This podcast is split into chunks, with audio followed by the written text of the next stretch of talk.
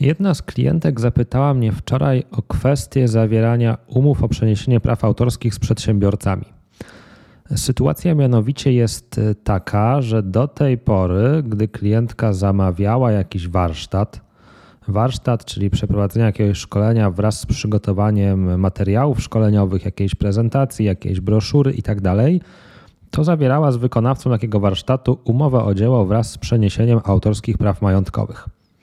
No i najczęściej do tej pory były to osoby prywatne nieprowadzące działalności gospodarczej, więc występowała w stosunku do tych osób jako płatnik.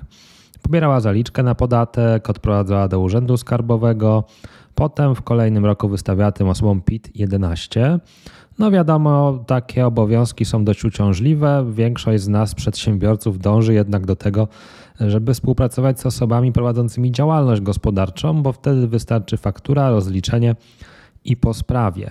No i klientka też tak zrobiła. Te osoby, które wykonują dla niej warsztaty i materiały szkoleniowe, prowadzą działalność. No i tu powstał taki problem, że te osoby już niekoniecznie chcą zawierać umowę o dzieło, bo mówią, że po prostu wystawią fakturę i po sprawie. A klientka zwróciła się do mnie z pytaniem, o co chodzi w tej sprawie, gdy mówimy o prawach autorskich. No bo w tej umowie o dzieło, którą do tej pory zawierała, był również wątek przeniesienia autorskich praw majątkowych. Czyli jeżeli ten wykonawca warsztatu przygotował jakieś materiały, to na podstawie tej umowy o dzieło przenosił również autorskie prawa majątkowe tych materiałów na klientkę.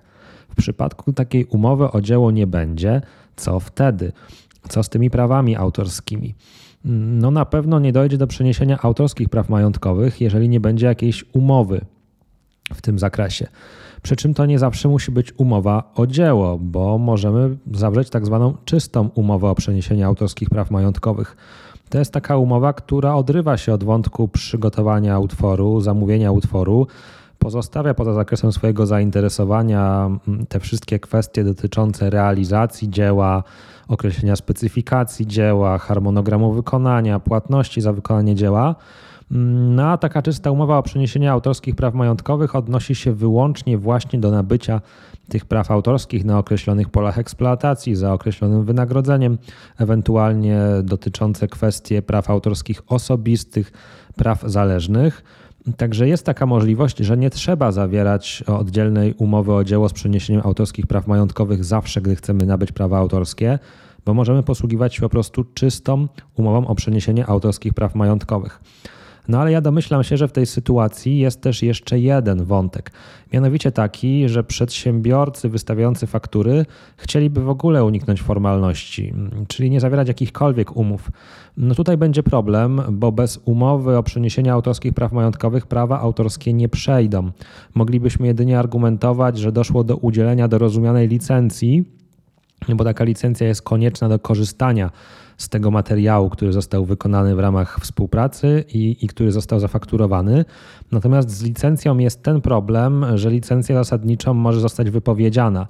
Czyli poprzestając wyłącznie na fakturze i wyłącznie na płatności za tą fakturę, bez spisywania jakiejś dodatkowej umowy w zakresie praw autorskich, nawet jeżeli przyjmiemy, że to jest licencja, to może się zdarzyć tak, że ten wykonawca tego warsztatu, wykonawca tych materiałów szkoleniowych wypowie licencję i klientka zostanie bez prawa do wykorzystywania tych materiałów.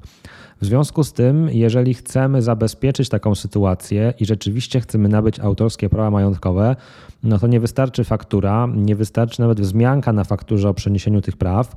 Konieczna jest umowa przenosząca autorskie prawa majątkowe i co więcej, taka umowa musi zostać zawarta w formie pisemnej.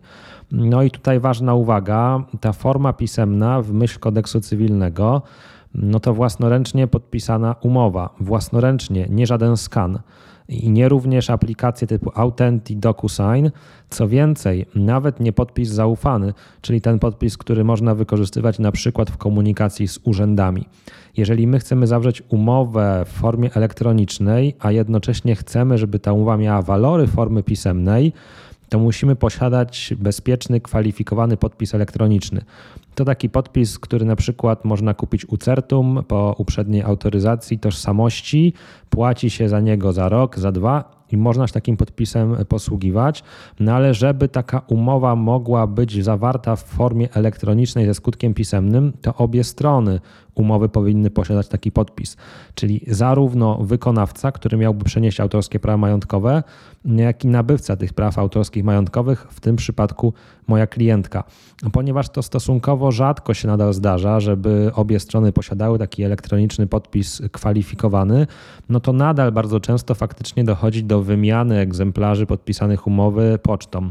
Jedna strona drukuje w dwóch egzemplarzach, podpisuje dwa egzemplarze, przesyła do drugiej strony i ta druga strona podpisuje swój egzemplarz, odsyła tej stronie i wtedy jak mamy tam umowę w, w takim podpisem własnoręcznym u siebie na biurku, u siebie w szufladzie, to mamy pewność, że faktycznie do przeniesienia tych autorskich praw majątkowych doszło. Jeżeli nie dopełnimy tych formalności, no to niestety mamy ten problem, że żyjemy w sferze niepewności, bo nawet jeżeli opłaciliśmy fakturę za jakąś usługę, na podstawie której powstał jakiś utwór, no to opłacenie takiej faktury nie oznacza, że my nabyliśmy prawa autorskie tego utworu.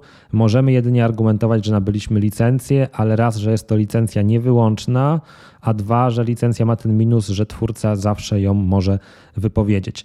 Także uczulam na tego rodzaju sytuacje. Pamiętaj, że jeżeli zależy Ci na nabyciu autorskich praw majątkowych, to wprawdzie możesz to zrobić niezależnie od umowy o dzieło, możesz zawrzeć na przykład czystą umowę o przeniesienie praw autorskich majątkowych, ale niestety od tej formy pisemnej nie uciekniesz. To wszystko na dzisiaj. Jeżeli chcesz dowiedzieć się więcej o umowach, zachęcam Cię do udziału w moim programie szkoleniowym Tajemnica korzystnej umowy. Link znajdziesz w opisie tego nagrania. Kliknij tam, zobacz szczegóły, zapisz się i mam nadzieję, że pozwolisz, żebym opowiedział Ci o tej tajemnicy korzystnej umowy. Jeszcze raz dzięki za uwagę. Do zobaczenia, do usłyszenia, do przeczytania. Trzymaj się ciepło. Cześć.